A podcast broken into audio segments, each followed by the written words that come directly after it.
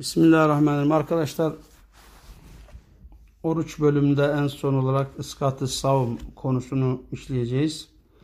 Iskat-ı savm birinin sağlığındayken yerine getiremediği oruç borcunun fidye yoluyla telafi edilmesi, düşürülmesi anlamına gelmektedir.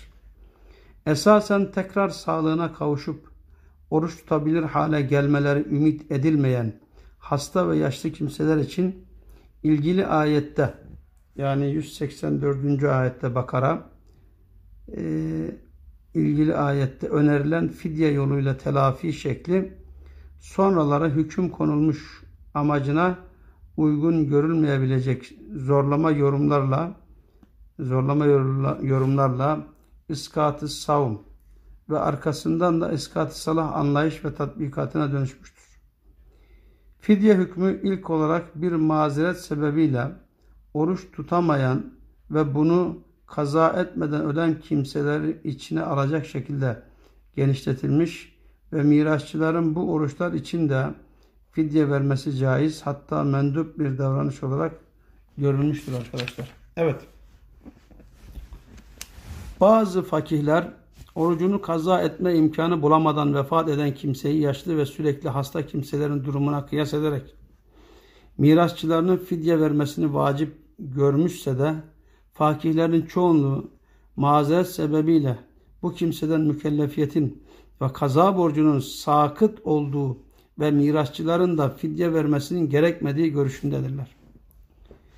İmkan bulduğu halde orucunu kaza etmeden vefat eden kimse hakkında ise fakirlerin çoğunluğu Hazreti Peygamber'in oruç borcuyla ölen kimse adına her bir gün için bir fakirin doyurulmasını emreden hadisinin bu hadis arkadaşlar İbn Mace'de geçiyor Siyam bölümünde 50. ayet. Genel ifadesinden hareketle mirasçılarının fidye ödemesini gerekli görürler.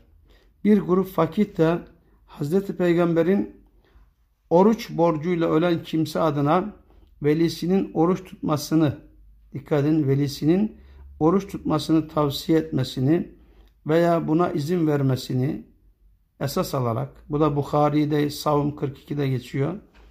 Ölenin yakınlarının onun adına oruç tutmasının caiz olduğunu söylerken söylerken zahiriler bunun caiz değil vacip olduğunu ileri sürmüşlerdir.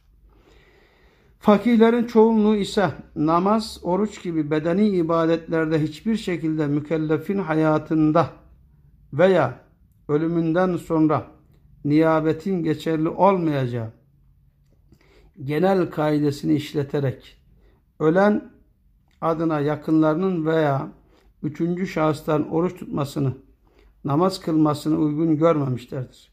Bunlar meskur hadisteki yerine oruç tutma ifadesiyle oruç yerine geçecek olan fidye vermenin kastedildiğini, Hanbeliler başta olmak üzere fakihlerin bir kesmi de bu istisnai hükmün Ramazan orucu için değil, ölenin adayıp da yerine getiremediği adak orucu için geçerli olabileceğini söyler.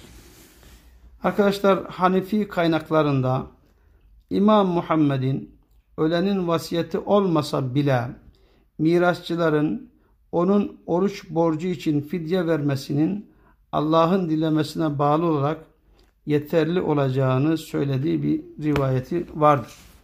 Bunda bu şekilde efendim oruç bölümünü bitirmiş olduk arkadaşlar.